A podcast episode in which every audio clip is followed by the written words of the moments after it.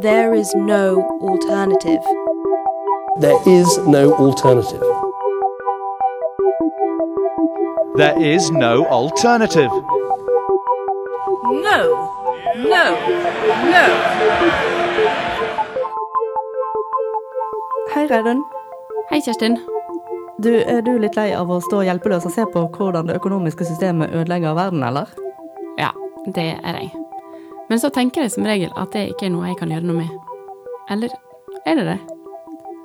Sånn cirka gikk det for seg når vi fikk ideen til denne podkasten som du hører på nå.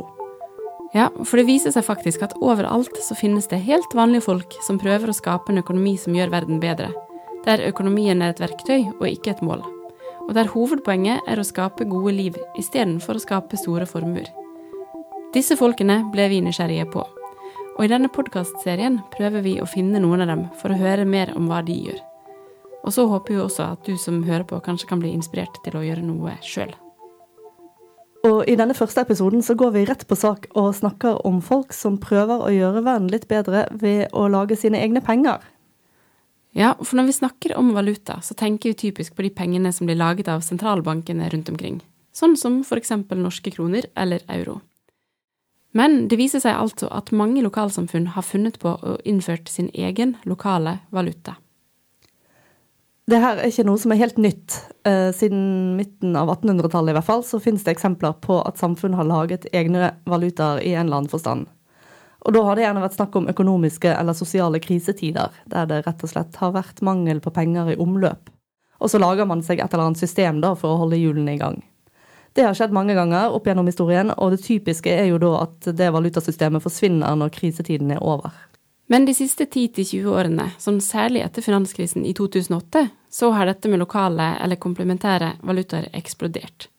Ikke bare fordi man trengte en kriseløsning der og da, men også fordi krisen fikk mange til å tenke at det kanskje er dumt å være helt avhengig av bare én type penger, eller at pengesystemet kanskje kan fungere bedre enn det det gjør i dag.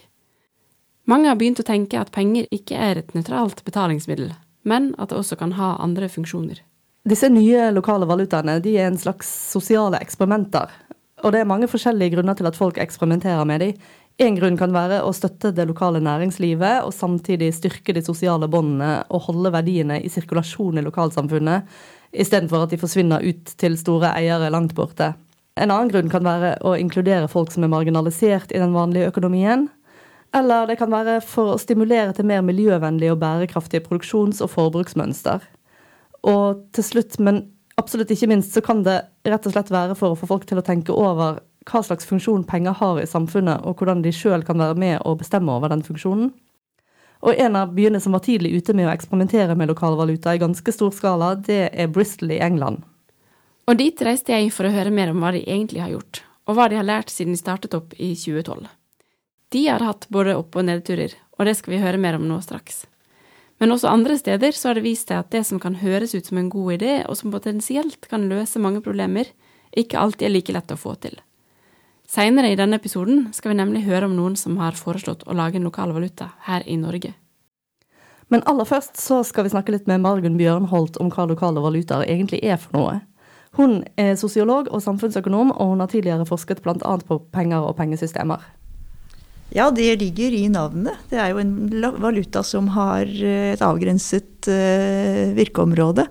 Uh, ja, det kan være geografisk, eller det kan være en form for medlemssystem. Uh, så det er jo en måte å skape penger på som, som, er mer avgrenset enn en den nasjonale valutaen som vi bruker til daglig. Men eksisterer den alltid som et tillegg til annen valuta, eller skaper det krøll med den, hva kan jeg si, den vanlige økonomien? Ja, jeg tenker at vi skal avmystifisere litt hva dette er. For det er ikke sånn at dette ikke finnes i dag. Det finnes i grunnen mange former for eh, valuta som vi ikke tenker på som, eh, som akkurat lokal valuta, men som har samme funksjon. F.eks. flypoeng. da hvis man flyr, så opparbeider man eh, rett til å fly mer. Men det er jo en form for valuta. Eh, som man kan handle begrensede ting med. Eh, og det skjer også mange butikker. Du får bonus ved å ha kjøpt der. Og det, er jo fordi man ønsker at man skal komme tilbake og kjøpe mer. Og da lager man en form for lokal valuta. Den lokale bakeren her har på en måte sin egen valuta hvor du får hvert sjette brød gratis. Eh, det er jo da en veldig begrenset valuta som ba- bare kan omsettes i brød. Kan du si noe om hvorfor man ønsker å ha en lokal valuta? Vi må kanskje gå litt tilbake i tid, for jeg tror, ikke sant, når man snakker om det i dag, så er man inspirert av eh, forsøk med lokal valuta som eh, ble brukt i ganske stor stil, både i Europa og i USA på 1930-tallet, da man hadde en stor økonomisk krise. Eh, og det var et problem at pengene eh, At det manglet likviditet. Og så var det flere som fant opp eh, måter å prøve å sørge for å få aktivitet i økonomien ved å lage egne penger. Og, og dermed stimulere til at folk eh, handlet med hverandre. Er det en annen grunn i dag enn det det var på 30-tallet? Ja, ikke sant. Vi er jo i en helt annen situasjon, selv om det kan jo endre seg. Eh, kriser kommer jo og går i økonomiene. Men eh, tankegangen bak disse lokale valutaene bygde jo også på en grunnleggende kritikk av pengenes funksjon i økonomien. Eh, men det tenker jeg gjør at det er, det er interessant å, å tenke på det, og særlig fordi vi ser at pengeøkonomien har har kommet til å dominere veldig voldsomt over den konkrete realøkonomien. Og da kunne man tenke seg at lokale valutaer som har et begrenset virkeområde, kunne være en slags motsats da, til eh, den finansialiserte økonomien som, eh, som jo mange ser som en veldig alvorlig trussel mot stabiliteten. Og en av disse nye valutaene finner vi altså i Bristol i England. So the, the actual company was set up in, in 2010. It took a couple of years then to actually get the currency ready to launch, and the currency started therefore in, in 2012.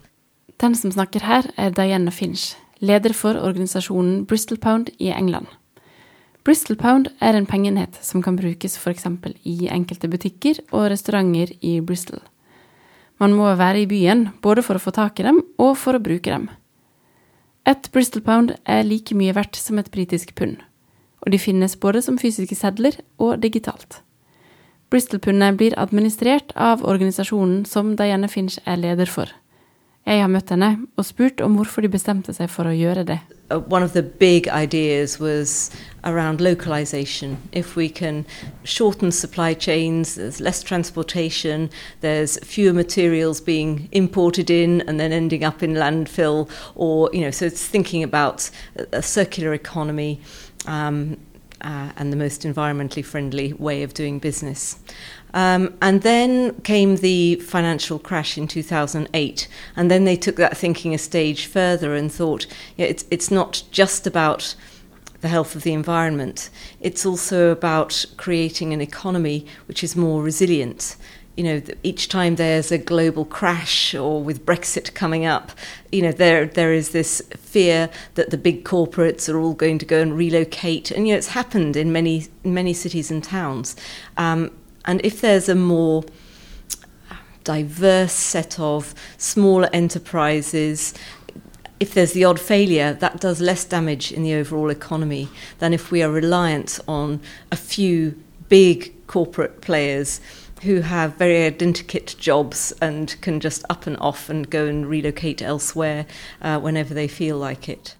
Very quickly, we um, we grew rapidly, and we developed digital currency as well as the paper money, and we were the first uh, area in which you could pay local taxes in a local currency. So it was all pretty groundbreaking. Uh, and yeah, we rode that, you know, the crest of that success wave for a you know, good few years. And what is it like today? So I think once the initial, as I say, the crest of that wave, you know, at some point something else happens, and Bristol Pound is old news, and um, so I think we suffered a bit from that. You know, that the high point was probably Grist- Bristol Green Capital year, which was 2015, and then you know the spotlight shifted as well. Um, in 2016, there was a change in. Um, in the mayor, you know, it was a different political administration, and I think whilst they carried on, you know, we can still pay our taxes in Bristol pounds locally, but I think something about the commitments to funding and helping the project shifted at that point. I don't, th- you know, the new administration I think were were thinking, oh well, that that was the old mayor's project. You know, we don't want to be doing his stuff. That's old. We want to be doing our stuff, which is different and new and exciting. So I think there was, you know, there were a few things that led us into these wilderness years. I think another thing that happened, looking back, is that our early marketing was very well, we say marmite, you know, so you either love it or you hate it. Um, it was very campaigning in style. It was rah, rah, rah, independent businesses, oh, big bad evil chains, oh, yuck. You know, it was very polarizing. And I think it played well with some people, you know, people who had PhDs in economics, people who, you know, think deeply about these things and have already made significant changes to their lifestyle. They've got rid of their car and they have changed to a vegan diet. You know, the, these kinds of people were very in touch with what we were doing. But um, to try and get a, you know, wider set of people involved, they couldn't really get it. And so you had to have a, you know, a, a, certain amount of knowledge and understanding and concern about the economy before you would really think about just getting involved. Så et av problemene i Bristol har vært at det er vanskelig å få med seg menigmann. Nyhetens interesse var stor i starten, men den engasjerte først og fremst de som allerede var interesserte. En annen ting er at det heller ikke det lokale næringslivet helt har sett nytten av den lokale valutaen. We had thought, oh, you know, it's such a cool idea. Businesses will just want to do this. Three years on, you know, they're thinking, hang on, I keep having to reconcile two bank accounts. I have to train my staff in more than one point of sale uh, technology. I have to, um, you know, think about how I enter things on the purchase ledger. You know, there's suddenly all of these administrative hassles, and actually this is costing money, not just in terms of transaction fees, but in terms of actual administrative overhead. And it's not, you know, that's one of the reasons I think for the disengagement by some businesses.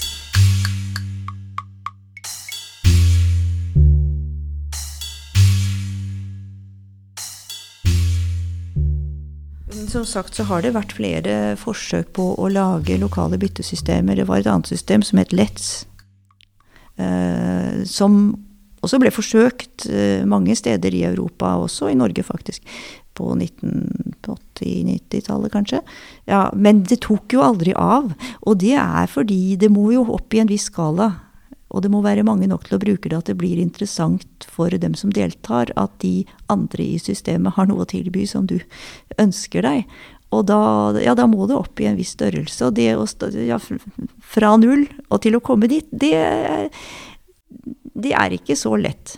Kan vi si noe annet generelt om erfaringer ved det å bygge opp eh, lokale valutaer? Ja, som sagt så tenker jeg de å gjøre det i en situasjon hvor det ikke er krise og hvor det ikke er et problem at man mangler tilgang på penger. Og vi i Norge vi mangler jo ikke penger, det er ikke noe problem at vi mangler kreditt. Tvert om. Man får jo veldig lett lån.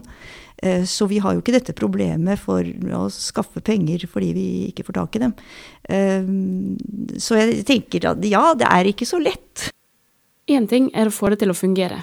En annen ting er hvordan skal man gå fram for å lage en helt ny valuta?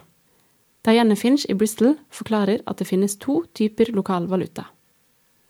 Some are real money in part of the real economy, and some are using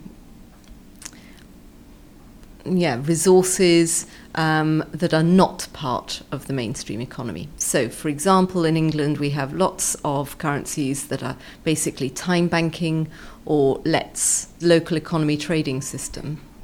Um, and so, with those, for example, let's say you've got a lawnmower, I haven't got one. I borrow your lawnmower, and you, you know, I give you a, a let's, whatever it might be called, you know, a token of some sort.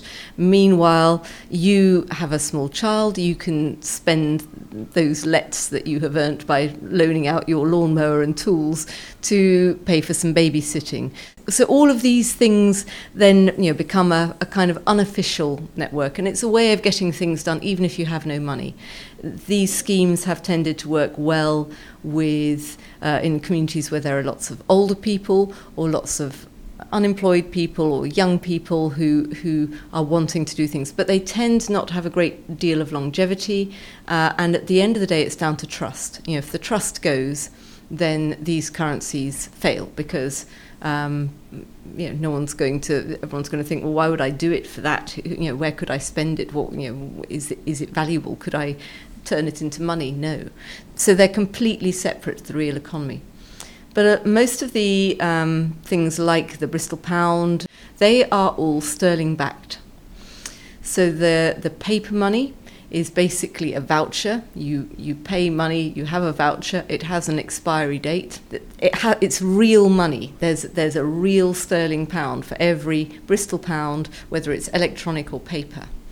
Um, and all of the transactions that happen in Bristol pounds are accounted for in terms of VAT, you know, taxation, exactly like you know. In a way, it's not another currency. It's it's just a label of sterling. You know, it's just a special subset of sterling. We print a load of Bristol pounds. That costs money. Um, that's just our running cost. That money at that point has a potential value but I don't have to account for it as value until I've sold it to someone. At the point where someone has gone to an exchange point in the city and bought some paper Bristol pounds, then I have to go, okay, this is real money, and I have to take the money they've given me to buy those Bristol pounds and put that in a trust bank account so that the sterling you know, it's backed with sterling equivalent. So that then when they go to a shop and spend that Bristol pound, and the shop then puts the money into their, uh, you know, banks that money into their Bristol pound digital accounts, and at that point I can free up the money from the trust account and put it into their account. So that's that's what's going on behind the scenes. So there's quite a lot of complex accounting that's going on to try and make sure that we know exactly what currency is in people's back pockets so that I know exactly what balance should be in the trust account at any one point in time and the entire system is very secure. Men til tross for gode og sikre systemer, muligheten for en digital betalingsløsning og til å betale lokale skatter med Bristol Pound, så går det egentlig ikke så bra med valutaen. Diana Finch mener at det fortsatt er noe som mangler, og ser en mulighet for forbedring. We are in fact just about to do a mini brand refresh just to try and engage a new audience, change the message, change the tone. Um, and I think another thing we didn't talk about enough near the beginning was you know, it's not enough for consumers to be spending money in Bristol pounds. Um, the whole point of a local currency is you generate a local multiplier effect that each pound circulates and does more work within the economy um, and you know is trapped there working hard. So what we're trying to do is make the make the offer more frictionless I and we need to develop a version 2 of the digital currency to make it more frictionless. So at least it's not an impediment to them using the currency. But as well, we need to create, as you say, a real value proposition. What's in it for this business? Why are they going to join? Um, and that's really why we're moving towards now a subscription model for businesses where they feel like they are purchasing a you know, package of support. And we're, we're um, about to launch a few different fa- flavours of subscription one around networking, one around digital marketing, um, and, um, and then there are some general business support offers. We're also trying to engage for the first time with much bigger businesses and get them to consider their procurement within the city. I think at first we just thought, well, big businesses are bad and they're not eligible to be members, so let's just not bother to engage with them. But now we're realizing, well, hang on, they, they're the ones with the big wallets and purses, you know, they're the ones that are spending significant money. But currently, SMEs often don't get a look in in their supply chains. So we want to address that. Så det jeg på en måte sitter igjen med nå, er at det kan være mange gode grunner til at folk vil lage en lokal valuta. Men du trenger da en gjeng med idealister som er villige til å arbeide hardt for å få gjennomført det. Stemmer det med det inntrykket du har, Reidun? Ja, det er som regel sånn det begynner. Og her i Norge så var det noen som foreslo noe lignende for et par år siden.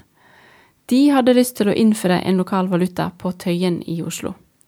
Så jeg tok en prat med Sarah Prosser, som var en av hovedpersonene bak det forslaget. Det var en del av det hele når vi begynte med dette. Det var liksom hvordan, Hvem skal være på seddelen? og det er liksom, Brixton har David Bowie, hvem har Tøyen? ikke sant? Så Det er kjempemorsom disku, diskusjon, og det får engasjement rundt det. og bygger litt sånn stolthet av yes, hvem kan være på hvor, hvor seddel. I 2015 lanserte hun og en gjeng andre ideen om en Tøyen-krone. Det vil si en egen valuta på Tøyen i Oslo.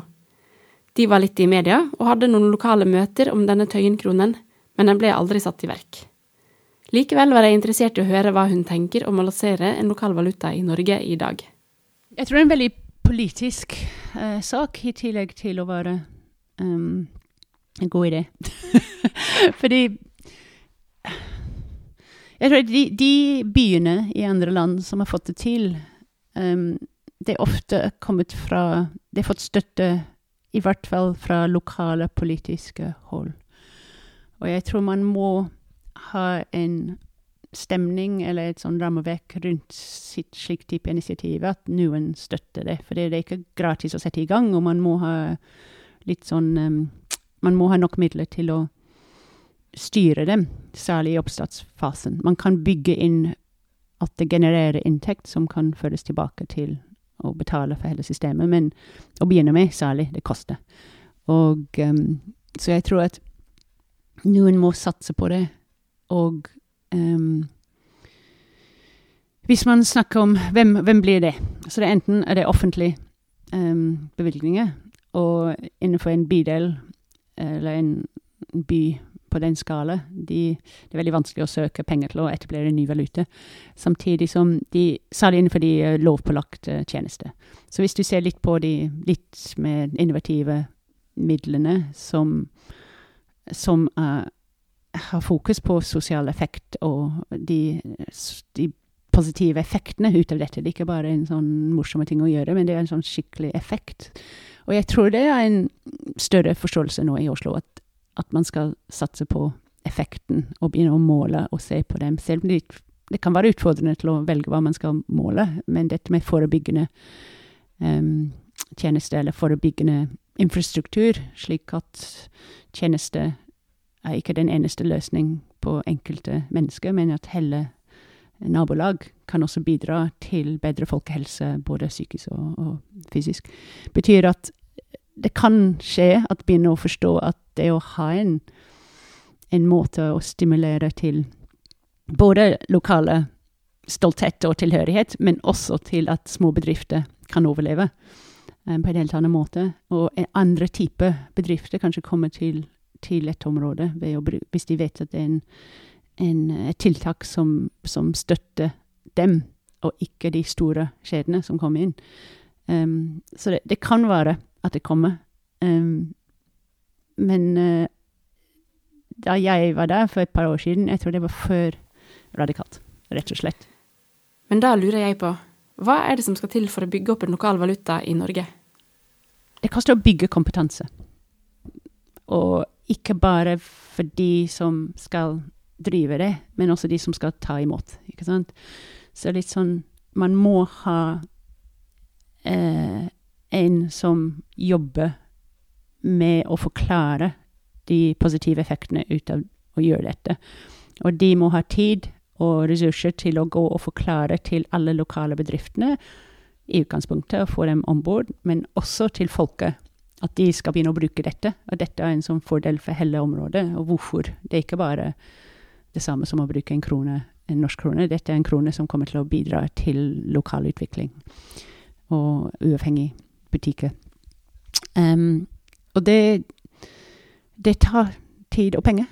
Um, men det kan gå veldig fort hvis man har en som kan dette, dedikert til det, og nok penger til å gjøre det på en kvalitetsmåte. Og det slik at det ser profesjonelt, og det er ikke bare en sånn amatør, uh, litt sånn risikabel måte å, å, snakke om valuta. Nei, dette er en sånn seriøs verktøy til å bygge og forebygge en økning av sosioøkonomiske forskjeller. Og dette er en måte å, å minske dem. At man kan bruke lokale valuter til å inkludere eh, grupper som ellers føler seg ikke en del av mainstream Norge. Og jeg tror Norge blir, det blir rikere og rikere, og folk føler seg mer og mer ekskludert hvis de ikke har de midlene. Og dette er en måte å både bygge samfunnseffekt og inkludere på en sånn økonomisk inkludering.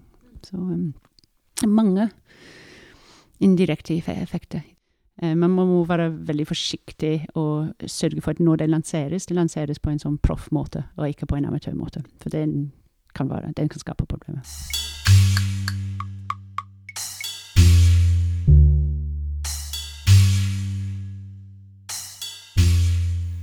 Jeg må tilbake til Margunn Bjørnholt for å høre litt om fordelene med å skape en lokal valuta. Fordelen er jo at det bidrar til eh, aktivitet mellom dem som er medlemmer i dette systemet eller om bord i dette området. Eh, og der hvor man har fått det til å fungere i noen byer i Europa, så er det jo eh, fordi det har vært områder kanskje som, som er nedslitte og har behov for initiativer og aktivitet.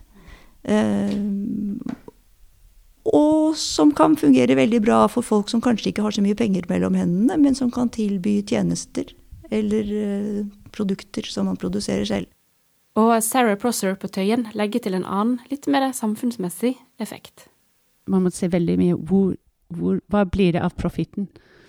Og akkurat nå, med de vanlige kronene, hvis man føler hvor, hvem tjener fra at man bruker norske kroner, sammenlignet med hvem tjener fra å bruke en lokal valuta.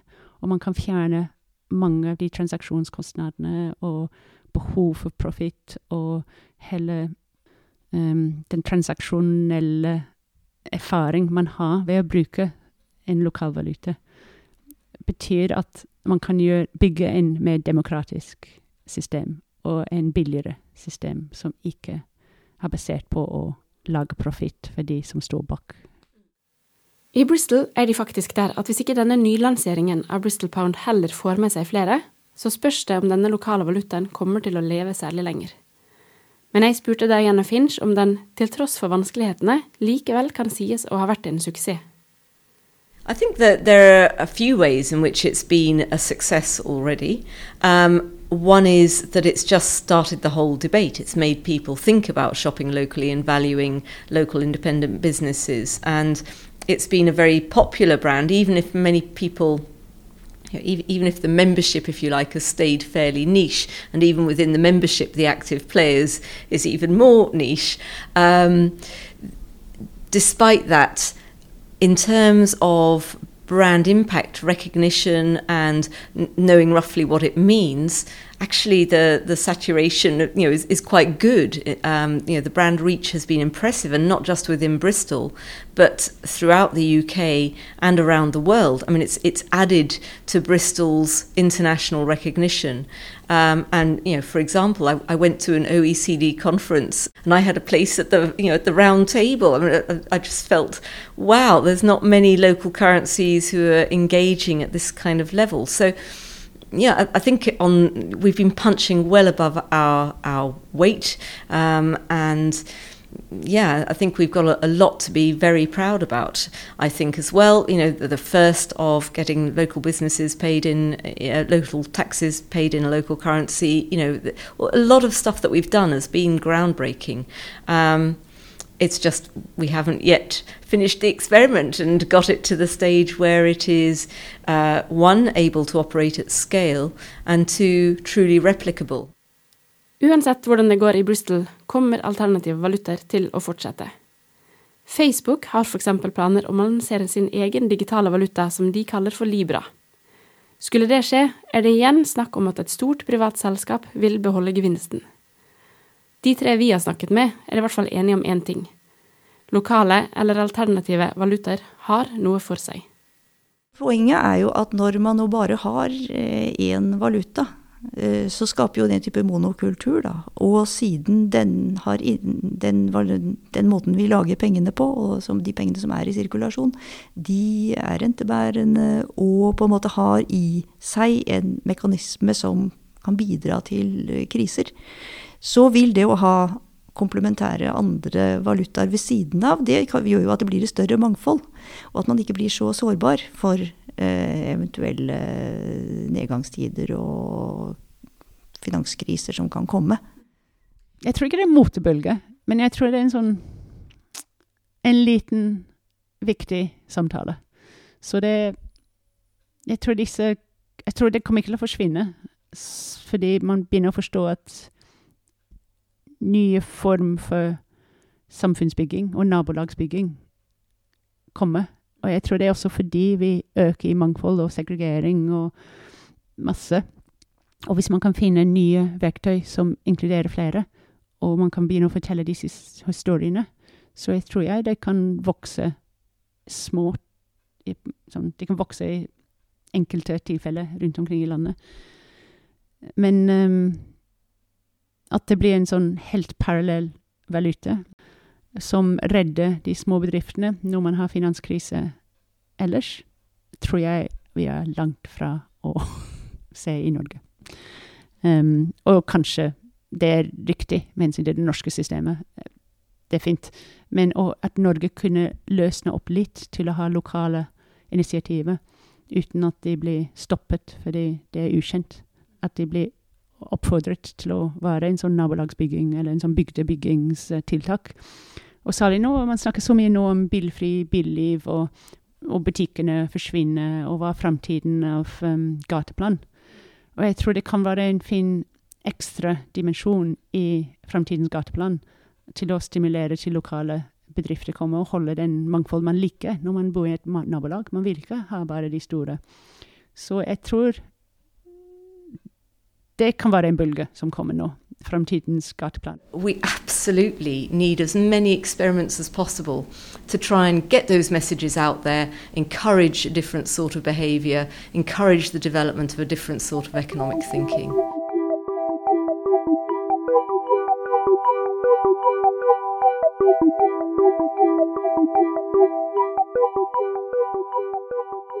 And you know the problem in is as soon as you say, "Well, the economy," you know, everyone just glazes over. Um, this just seems like it's very difficult. It's got nothing to do with them. The system's all rigged. You know, those rich um, guys will carry on getting richer, um, we'll get poorer, you know, we're all going to hell in the handcart, there's nothing we can do about it. There's a feeling of powerlessness. Uh, and actually, you know, this is just an economic system. And people are choosing every day, though they don't realize it, thanks to advertising, everything else, they are choosing to make those rich guys at the top richer, to treat the world as if it's a throwaway economy and they must have the latest this, and they must have the latest that to, to be happy, contented, beautiful. It, you know, it's just, it's so shallow. And and it's not sustainable. Uh, the whole idea that you know, oh, we must have growth in the economy. You know, I get very depressed with. Um, you listen to stuff about the economy on the news, and uh, instead of you know you have a you know the, the news anchor person saying oh person from the left you know what are you going to do about the economy person on the right what are you going to do about the economy and everyone is just starting from the basis of well of course we want to grow the economy and there's nobody there say, giving the true alternative, which is not, oh, we're going to grow the economy this way or we're going to grow the economy that way. But actually, should we even be trying to grow the economy? Why are we still focused on GDP? We know that that is not a sensible way to, to develop as we go forward in, the, in this climate uh, emergency. You know, it, it's just ridiculous. There is no alternative. There is no alternative. There is no alternative. No, no, no. I podkastserien Alternativ økonomi leter vi etter økonomiske løsninger som kan være med på å skape en bedre verden. Nye episoder publiseres én gang i måneden. Du finner mer informasjon på nettsiden vår alternativøkonomi.no.